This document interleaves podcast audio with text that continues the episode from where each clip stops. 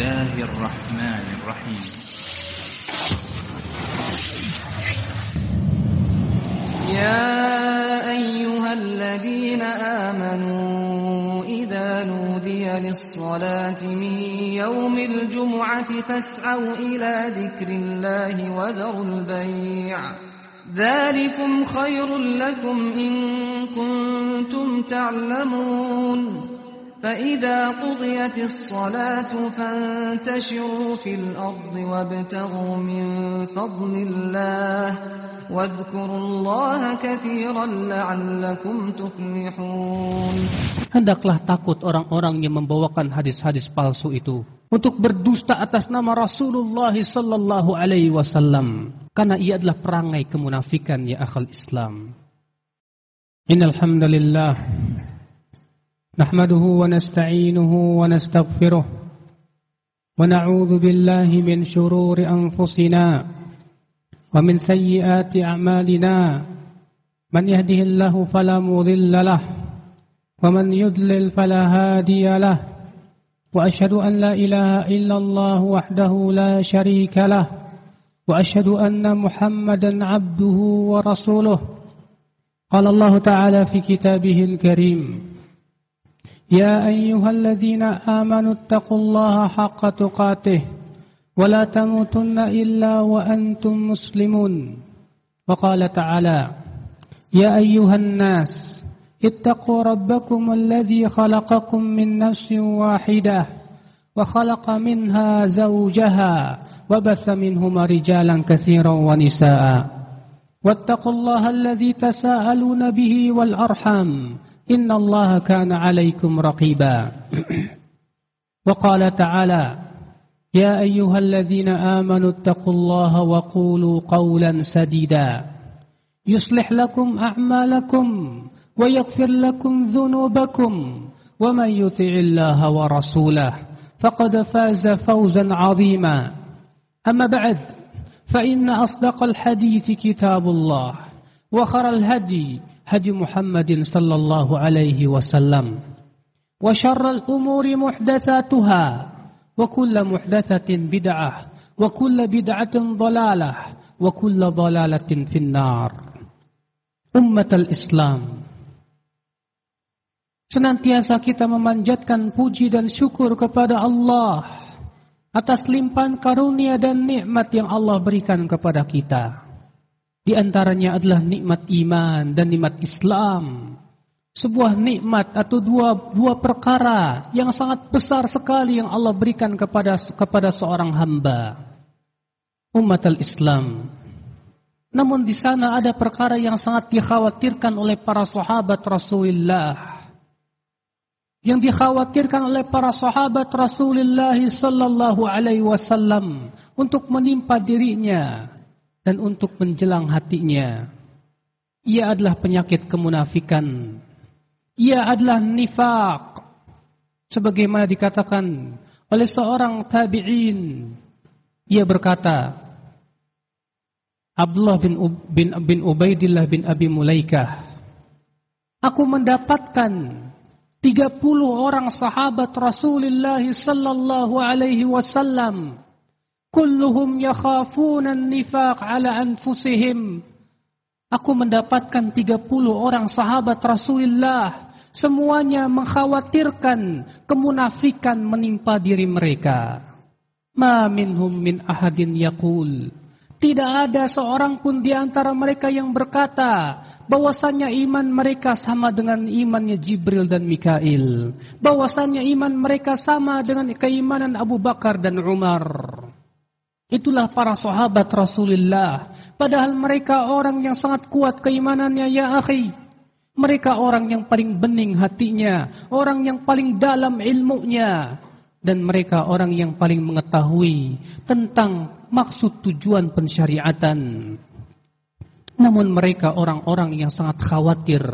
Apabila kemunafikan itu menimpa dirinya. Umat al-Islam oleh karena itulah Allah dan Rasulnya menjelaskan di dalam Al-Quran dan di dalam hadis Nabi Sallallahu Alaihi Wasallam tentang perangai-perangai kemunafikan, Karena itu perkara yang bisa menjadikan seseorang terjerumus ke dalam kemunafikan yang lebih besar dari itu. Di antaranya sebuah hadis ketika Rasulullah sallallahu alaihi wasallam menyebutkan tentang tanda-tanda orang yang munafik. Kata Rasulullah, ayatul munafik thalath. Tanda orang yang munafik itu tiga kata Rasulullah. Yang pertama, idza haddatsa kadzab. Apabila dia berbicara, dia dusta. Wa idza tumina khan. Apabila dia diberikan amanah, dia pun berkhianat. Wa idza wa'ada akhlaf. Dan apabila ia berjanji, dia tidak menepati janjinya. Tiga perkara ketika Rasulullah menyebutkan bahwasannya tanda orang munafik itu tiga ya akhi. Apa maknanya? Apakah perangai-perangai atau tanda orang munafik itu hanya tiga? Tidak kata para ulama. Akan tetapi Rasulullah menyebutkan tiga perkara ini sebagai perwakilan dari yang lainnya. Sebagaimana dikatakan Al-Hafidh Ibnu Hajar dalam kitab Fathul Bari. Beliau mengatakan tiga perkara ini adalah simbol untuk yang lainnya. Karena agama kita terdiri daripada perbuatan, Demikian pula perkataan dan niat. Adapun niat, maka itu terwakili dengan apa? Yaitu tidak menepati janji. Adapun perbuatan, maka itu diwakili dengan apa? Yaitu mengkhianati amanah. Adapun perkataan, maka ini terwakili dengan apa ya akhi? Yaitu dengan berdusta dalam pembicaraan. Rasulullah sallallahu alaihi wasallam menyebutkan bahwa tanda orang munafik ini tiga. Apabila berbicara, ia berdusta. Dusta. Sesuatu yang sangat dikhawatirkan oleh para sahabat Rasulullah. Kenapa tidak?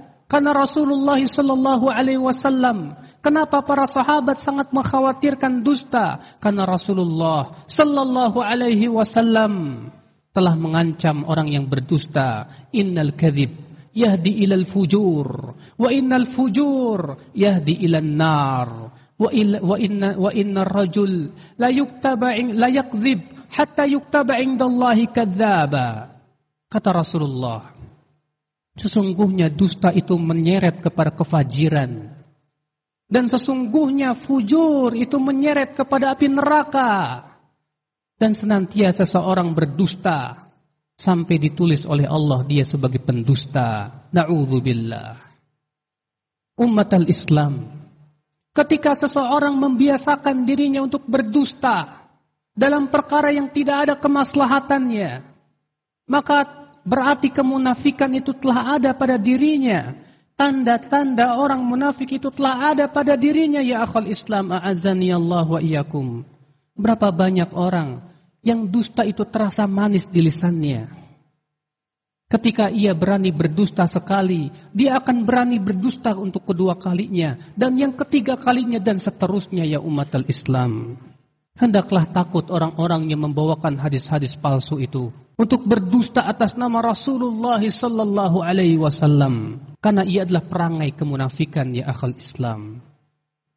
Maka dari itu ya akhi disebutkan dalam hadis yang dikeluarkan oleh Abu Dawud bahwasanya Rasulullah diperlihatkan tentang adab kubur. Di antaranya kata Rasulullah, aku melihat seorang laki-laki yang mulutnya disobek sampai ke tengkuknya. Demikian dilakukan kepadanya sampai hari kiamat. Kemudian aku bertanya siapa dia? Dia adalah orang yang keluar dari rumahnya. Lalu ia berdusta. Lalu dustanya menyebar ke ufuk timur dan barat sebuah ancaman yang berat bagi mereka-mereka yang mau berdusta. Apalagi ya akhi, berdusta atas nama Rasulullah. Karena ia adalah dusta yang sangat besar. Yang bisa merusak agama. Makanya Rasulullah mengancam beliau bersabda, Man kadaba alaya muta'ammida, falyatabawa maq'adahu minan nar. Barang siapa yang berdusta atas namaku dengan sengaja kata Rasulullah, maka hendaklah ia mempersiapkan tempat duduknya dalam api neraka. Hendaklah takut orang-orang yang membawakan hadis-hadis palsu itu. Untuk berdusta atas nama Rasulullah sallallahu alaihi wasallam karena ia adalah perangai kemunafikan ya akal Islam. Kemudian Rasulullah menyebutkan tanda orang munafik yang kedua, wa idza tumina khana, apabila diberikan amanah dia berkhianat. Tahukah Anda amanah? Amanah adalah sesuatu yang dibebankan kepada seseorang untuk memikulnya. Allah telah, mem, telah menawarkan amanah kepada langit, bumi, dan gunung-gunung. Semuanya menolak. Mereka tahu bahwa itu sangat berat. Allah berfirman, Inna aradna al-amanata ala samawati wal arda wal jibal. فأبين أن يحملنها وحملها الإنسان إنه كان ظلوما جهولا Sesungguhnya kami telah menawarkan amanah kepada langit, bumi, gunung-gunung, mereka enggan untuk menerimanya. Lalu dibawa oleh manusia, sungguh manusia itu sangat zalim dan bodoh. Umat al-Islam, setiap manusia pasti diberikan oleh Allah amanah. Setiap seorang mukmin pasti diberikan oleh Allah amanah. Dia sebagai seorang suami mempunyai amanah dalam rumah tangganya. Dia sebagai seorang istri mempunyai amanah untuk untuk menjaga rumah tangga suaminya. Dia sebagai seorang apa? Ketua masjid atau ketua sebuah perkara ataupun dia sebagai pekerja, dia amanah ya akal Islam yang akan dimintai pertanggungjawabannya oleh Allah Subhanahu wa taala. Banyak di antara kita melecehkan masalah ini.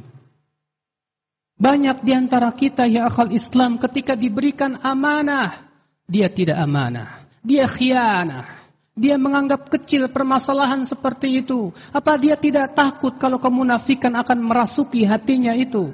Padahal para sahabat Rasulullah dahulu sangat takut sekali apabila kemunafikan masuk ke dalam hatinya ya akal Islam ma'azani Allah wa iyakum. Seorang ustadz amanah untuk menyampaikan ilmunya dengan penuh amanah. Seorang murid pun amanah untuk senantiasa mempelajari pelajarannya. Setiap manusia diberikan amanah ya akal Islam. Tatkala kemunafikan telah masuk ke dalam hati, seseorang akan menganggap remeh amanah-amanah tersebut. Innalillah wa inna ilaihi raji'un. Kemudian yang kedua, yang ketiga kata Rasulullah, wa idza wa'ada akhlaf. Apabila ia bersumpah, apa ia berjanji ia tidak menepati. Banyak di antara kita yang berkata kepada temannya, saya akan datang insya Allah besok. Namun ternyata ia tidak datang. Padahal insya Allah kata para ulama termasuk janji.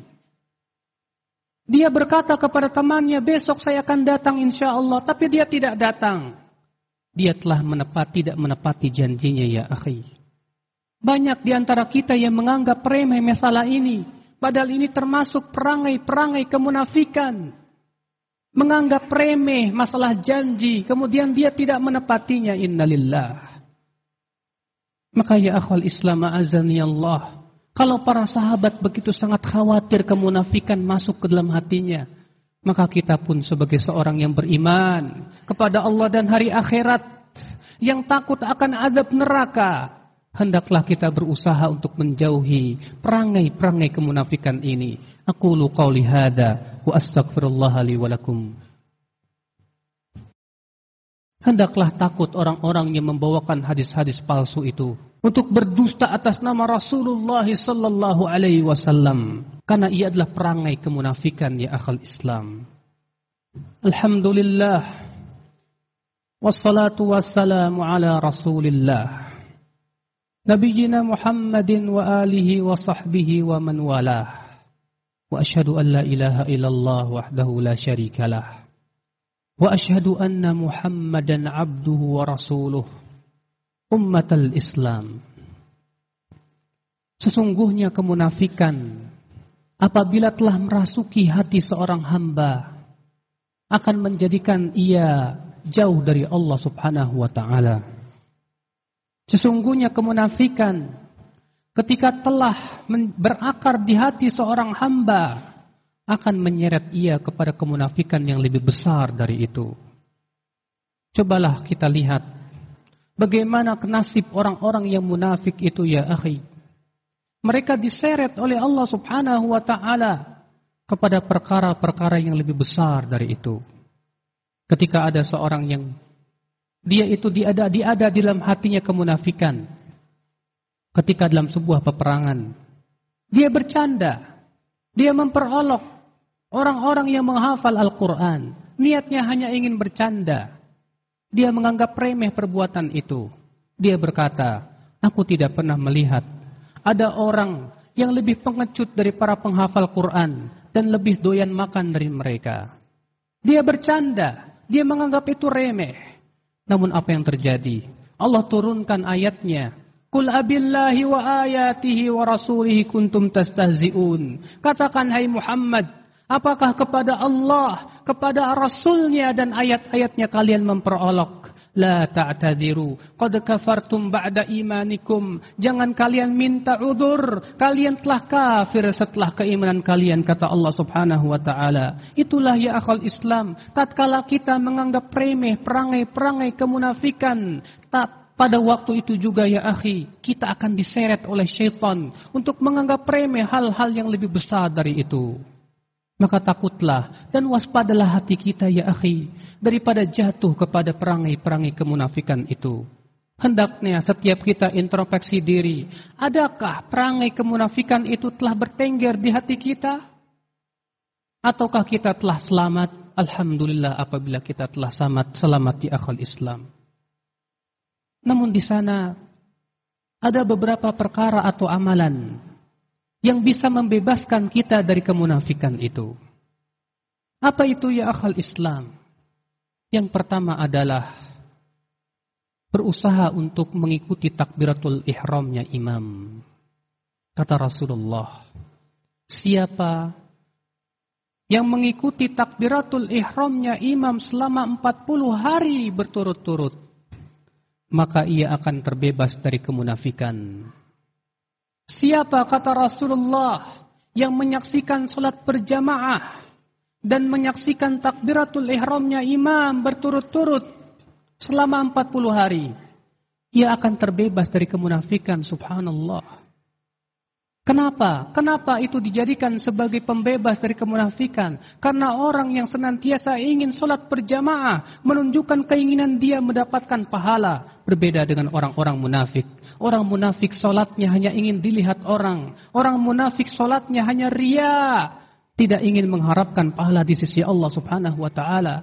Tapi ketika seorang hamba berusaha, berusaha terus bagaimana mendapatkan sholat, sholat berjamaah di masjid itu menunjukkan keimanan dia kepada Allah dan Rasulnya. Makanya Allah mempersaksikan bahwasanya orang yang senantiasa memakmurkan masjid, mereka adalah orang-orang yang beriman kepada Allah Subhanahu wa taala. Allah berfirman, "Innama ya'muru masajidallah man amana billahi wal yawmil akhir wa aqama as-salata wa ata az-zakah wa lam yakhsha illallah." Sesungguhnya yang memakmurkan masjid-masjid Allah hanyalah orang yang beriman kepada Allah dan hari akhirat dia menegakkan salat, membayar zakat dan dia tidak takut kecuali Allah Subhanahu wa taala.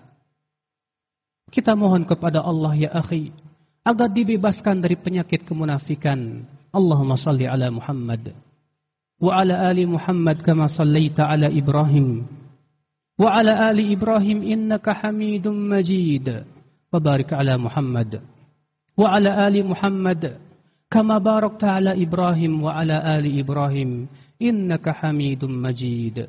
اللهم اغفر للمسلمين والمسلمات والمؤمنين والمؤمنات الأحياء منهم والأموات. إنك سميع قريب مجيب دعوات. اللهم وتب علينا إنك أنت التواب الرحيم. اللهم وفق شباب المسلمين. اللهم اغفر وتب علينا إنك أنت التواب الرحيم. ربنا آتنا في الدنيا حسنة وفي الآخرة حسنة وقنا عذاب النار. اللهم أجرنا من النار. عباد الله إن الله يأمر بالعدل والإحسان وإيتاء ذي القربى وينهى عن الفحشاء والمنكر والبغي. يعظكم لعلكم تذكرون. فاذكروا الله العظيم يذكركم. واشكروه على نعمه يزدكم ولذكر الله أكبر.